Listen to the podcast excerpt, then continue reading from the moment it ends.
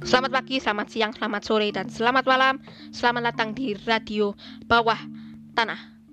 Ah, enak ya, kelihatannya singkat sekali karena hari ini episodenya seperti yang kemarin juga singkat mengenai jenis-jenis tulang dari sistem gerak manusia kelas 8 SMP. Sekarang kita akan membahas tulang keras. Nah, tulang keras atau disebut Tulang sejati, osteon. Tulang keras terdiri atas jaringan tulang yang tersusun atas sel-sel tulang yang disebut osteosit. Tulang keras banyak mengandung zat kapur, protein, dan kolagen, zat berkat. Zat kapur tersebut dalam bentuk kalsium karbonat, CaCO3, dan kalsium fosfat. Dan saya ulangi, kalsium fosfat, Ca3, PO, PO4 2. Perbedaan tulang keras pada anak dan orang dewasa adalah tulang keras pada orang dewasa kadar zat kapurnya lebih banyak. Sedangkan pada anak-anak mempunyai zat perekat kolagen lebih banyak. Oleh karena itu, tulang orang dewasa lebih keras.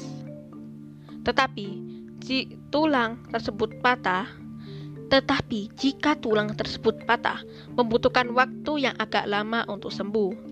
Sedangkan pada anak-anak, jika mengalami patah tulang, lebih cepat sembuh daripada orang dewasa. Bagian luar dari tulang keras tertutup oleh selapis jaringan yang bernama periosteum. Periosteum merupakan tempat melekatnya otot.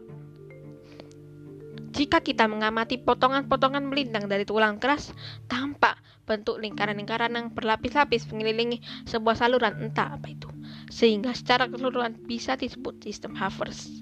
Di dalam saluran Havers terdapat pembuluh-pembuluh darah yang memberi makan seakan-akan memberi makan pada sel-sel tulang keras, tapi memang benar memberi makan.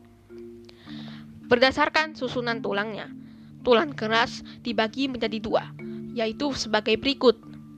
Tulang spons. Tulang spons adalah tulang keras yang dalamnya berongga. Contoh, tulang pendek. Kemudian, tulang kompak. Tulang kompak tersusun atas bahan yang rapat dan padat. Contoh, lapisan tulang pipa bagian luar.